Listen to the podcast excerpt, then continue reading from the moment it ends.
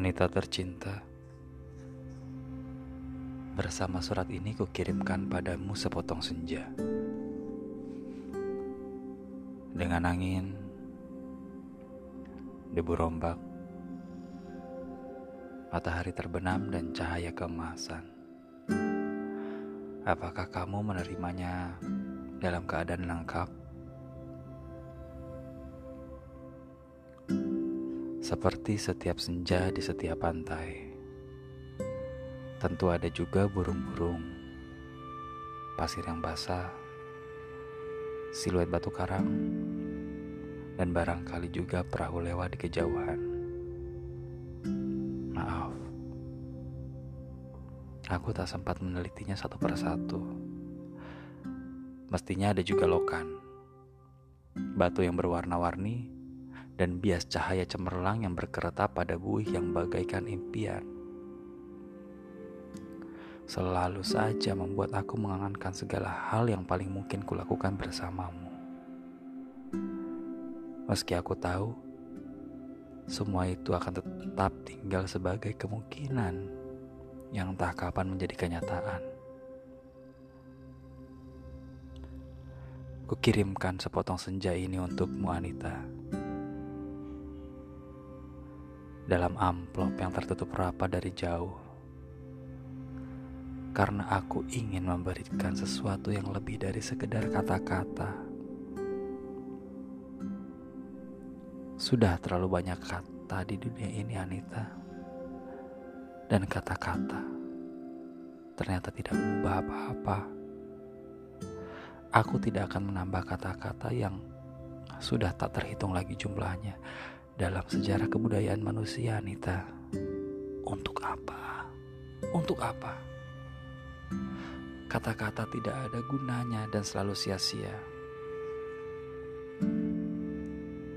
Lagi pula, siapakah yang masih sudi mendengarnya? Di dunia ini, semua orang sibuk berkata-kata tanpa pernah mendengar kata-kata orang lain. Mereka berkata-kata tanpa peduli apakah ada orang lain yang mendengarnya. Bahkan mereka juga tidak peduli dengan kata-katanya sendiri. Sebuah dunia yang sudah kelebihan kata-kata tanpa makna. Kata-kata sudah luber dan tak dibutuhkan lagi. Setiap kata bisa diganti artinya. Setiap arti bisa diubah maknanya. Itulah dunia kita, Anita.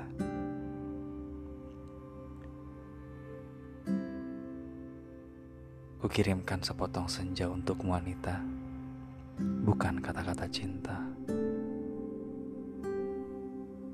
Kukirimkan padamu sepotong senja yang lembut, dengan langit kemerah-merahan yang nyata dan betul-betul ada dalam keadaan yang sama seperti ketika aku mengambilnya. Saat matahari hampir tenggelam ke balik cakrawala.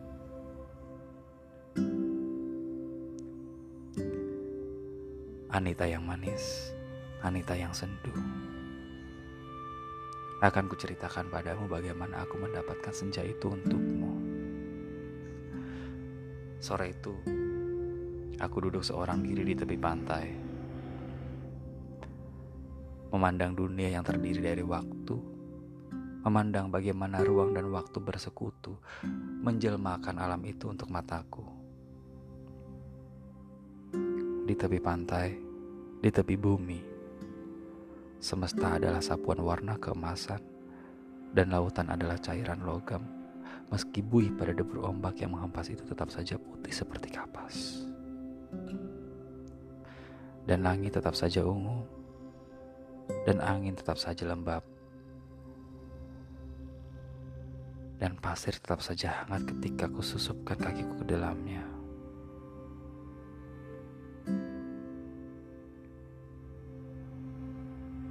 Kemudian tiba-tiba senja dan cahaya gemetar. Keindahan berkutat melawan waktu, dan aku tiba-tiba teringat padamu. Barangkali senja ini bagus untukmu pikirku. Maka aku potong senja itu sebelum terlambat. Ku kerat pada empat sisi lantas kumasukkan ke dalam saku. Dengan begitu, keindahan itu bisa abadi dan aku bisa memberikannya kepadamu. Setelah itu aku berjalan pulang dan perasaan senang. Aku tahu kamu akan menyukainya. Karena aku tahu itulah senja yang selalu kamu bayangkan untuk kita. Aku tahu kamu selalu membayangkan hari libur yang panjang, perjalanan yang jauh, dan barangkali sepasang kursi malas pada sepotong senja di sebuah pantai di mana kita akan bercakap-cakap sembari memandang langit sambil berangan-angan sambil bertanya-tanya apakah semua ini memang benar-benar telah terjadi senja itu bisa kau bawa ke mana-mana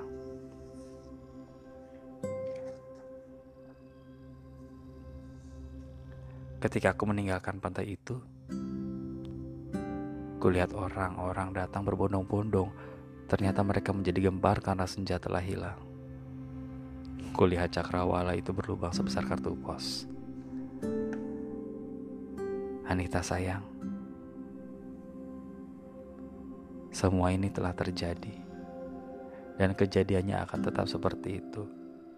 Aku telah sampai ke mobil ketika di antara kerumunan itu kulihat seseorang menunjuk-nunjuk ke arahku.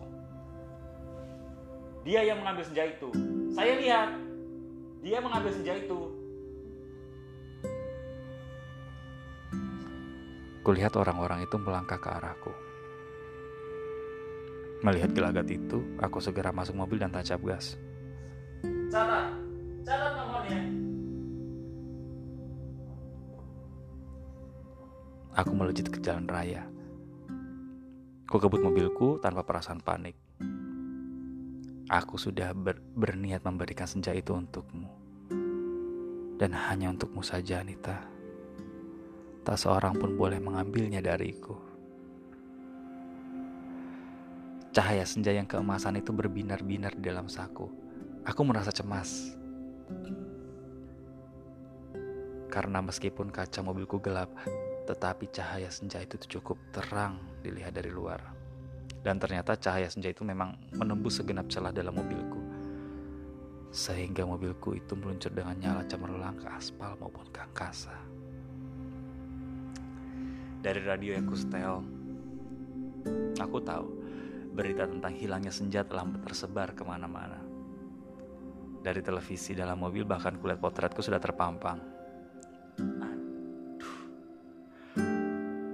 Baru hilang satu senja saja sudah paniknya seperti itu. Apa tidak bisa menunggu sampai besok? Bagaimana kalau setiap orang mengambil senja untuk pacarnya masing-masing? Barangkali memang sudah waktunya dibuat senja tiruan yang bisa dijual di toko-toko, dikemas dalam kantong plastik dan dijual di kaki lima. Sudah waktunya senja diproduksi besar-besaran supaya bisa dijual anak-anak pedagang asongan di perempatan jalan. Senja senja. Senja. Cuma seribu tiga.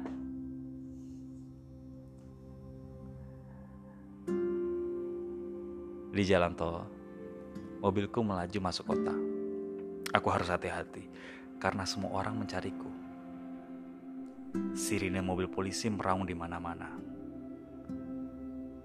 cahaya kota tetap gemilang tanpa senja membuat cahaya kemasan dari dalam mobilku tak terlalu kentara.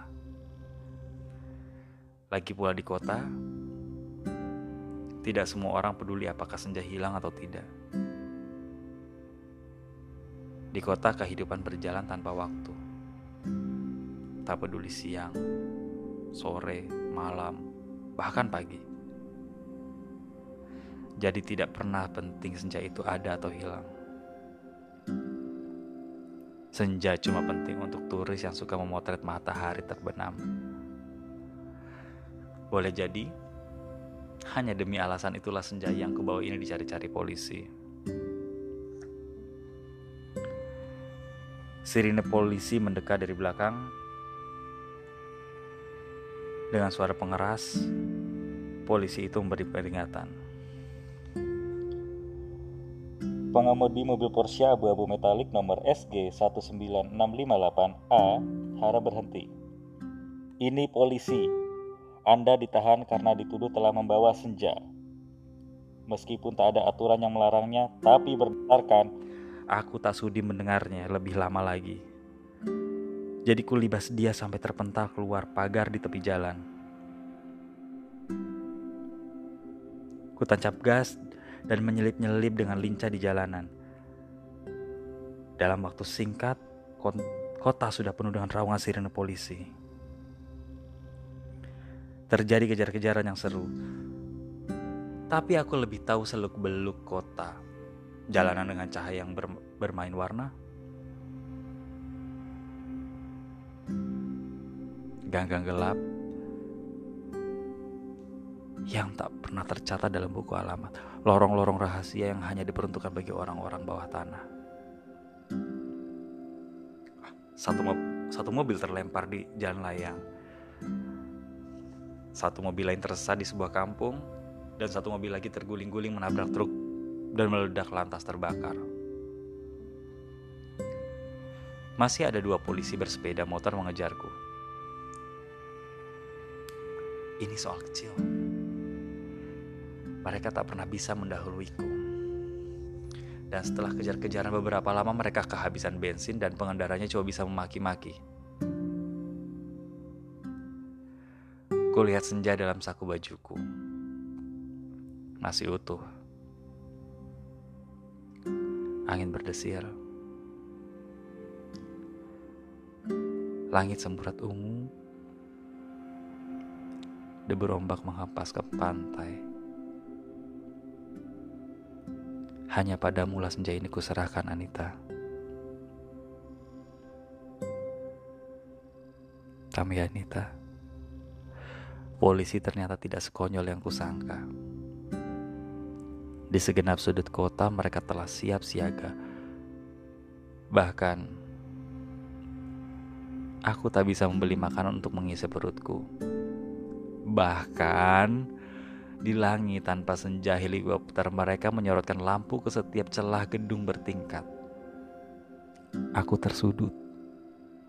Dan akhirnya nyaris tertangkap kalau saja tidak ada gorong-gorong yang terbuka.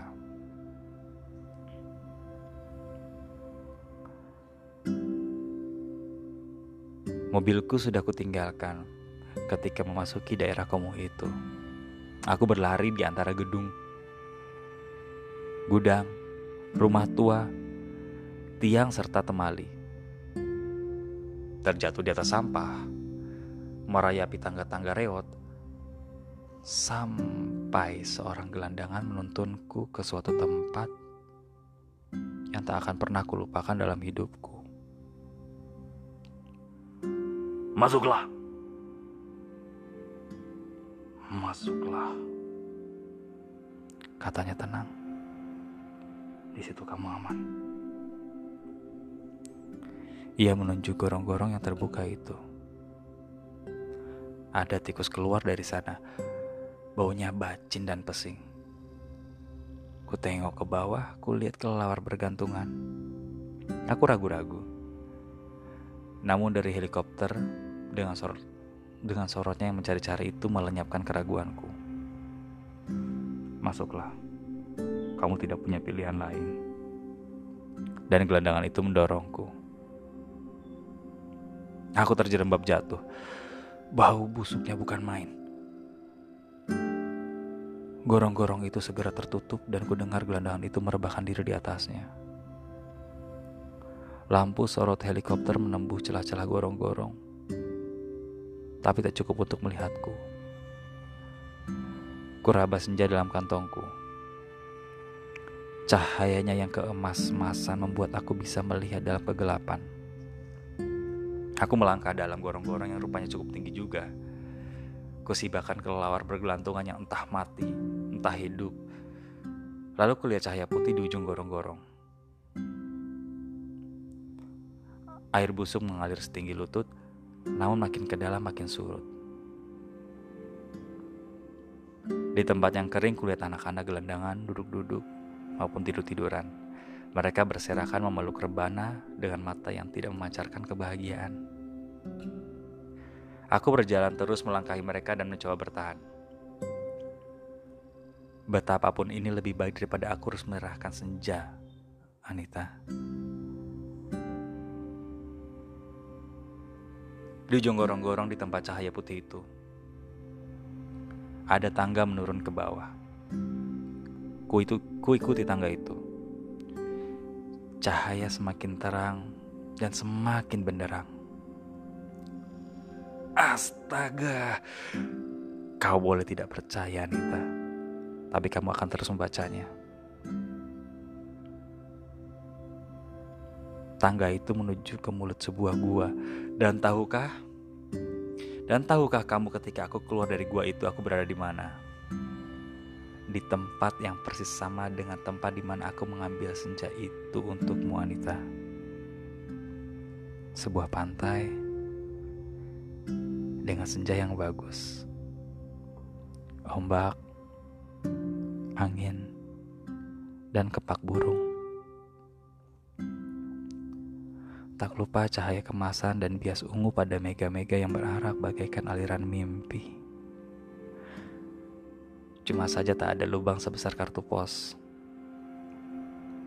Jadi meskipun persis sama, tapi pasti bukan tempat yang sama. Tempatnya saja di dalam gorong-gorong. Aku berjalan ke tepi pantai, tenggelam dalam guyuran alam yang masih perawan nyiur tentu saja, matahari, dan dasar lautan yang bening dengan lidah ombak yang berdesis. Tak ada cottage, tak ada barbecue, tak ada marina. Semua itu memang tak perlu. Senja yang bergetar melawan takdir membiaskan cahaya keemasan ke tepi semesta. Aku sering malu sendiri melihat semua itu, Anita. Apakah semua itu mungkin diterjemahkan dalam bahasa?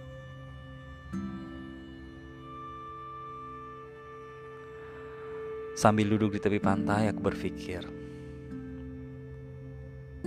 untuk apakah semua ini kalau tidak ada yang menyaksikannya? Setelah berjalan ke sana kemari, aku tahu kalau dunia dalam gorong-gorong ini kosong melompong. Tak ada manusia, tak ada tikus, apalagi dinosaurus. Hanya burung yang berkepak. Tapi ia sepertinya bukan burung yang bertelur dan membuat sarang. Ia hanya burung yang dihadirkan sebagai ilustrasi senja. Ia hanya berkepak dan berkepak terus di sana. Aku tak habis pikir Anita. Alam seperti ini dibuat untuk apa? Untuk apa senja yang bisa membuat seseorang kepingin jatuh cinta itu jika tidak ada seekor dinosaurus pun yang menikmatinya? Sementara orang di atas sana, mereka ribut kehilangan senja.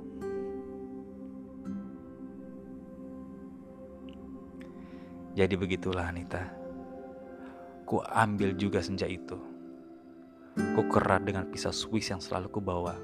Pada empat sisinya sehingga pada cakrawala itu terbentuk lubang sebesar kartu pos. Dengan dua senja di saku kiri dan kanan, aku melangkah pulang. Bumi berhenti beredar di belakangku, menjadi kegelapan yang basah dan bacin. Aku mendaki tangga kembali menuju gorong-gorong bumiku yang terkasih. Sampai di atas,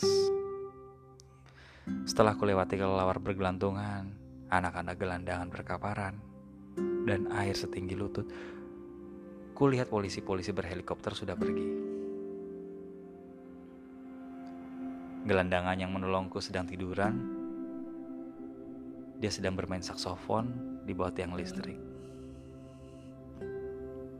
Aku berjalan mencari mobilku. Masih terparkir dengan baik di supermarket. Tampaknya bahkan baru saja dicuci. Sambil mengunyah pizza, segera aku kebut mobilku menuju ke pantai. Dengan dua senja di saku kiri dan kanan, lengkap dengan matahari, laut, pantai dan cahaya keemasannya masing-masing. Mobilku bagai memancarkan cahaya ilahi. Sepanjang jalan layang, Sepanjang jalan tol ku tancap gas dengan, dengan kecepatan penuh. Anita kekasihku, pacarku, wanitaku. Kamu pasti sudah tahu apa yang akan terjadi kemudian. Ku pasang senja yang dari gorong-gorong pada lubang sebesar kartu pos itu. Dan ternyata pas. Lantas kukirimkan senja yang asli ini untukmu lewat pos. Aku ingin kamu mendapatkan apa yang kulihat pertama kali. Senja dalam arti yang sebenar-benarnya. Bukan semacam senja yang ada di gorong-gorong itu. Kini gorong-gorong itu betul-betul gelap, Anita. Pada masa yang akan datang, orang-orang tua akan bercerita pada cucunya tentang kenapa gorong-gorong menjadi gelap. Mereka akan berkisah bahwa sebenarnya ada alam lain di bawah gorong-gorong dengan matahari dan rembulannya sendiri. Namun semua itu tiada lagi karena seseorang telah mengambil senja untuk menggantikan senja lain di atas bumi. Orang-orang tua itu juga akan bercerita bahwa senja di atas bumi yang asli telah dipotong dan diberikan oleh seseorang kepada pacarnya.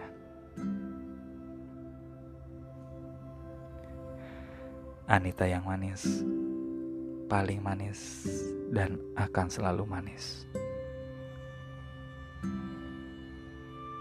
Terimalah sepotong senja itu hanya untukmu. Dari seseorang yang ingin membahagiakanmu. Awas, hati-hati dengan lautan dan matahari itu. Salah-salah, cahayanya membakar langit dan kalau tumpah airnya bisa membanjiri permukaan bumi. Dan ini kukirimkan pula kerinduanku padamu wanita. Dengan cium, peluk, dan bisikan terhangat dari sebuah tempat yang paling sunyi di dunia. I miss you.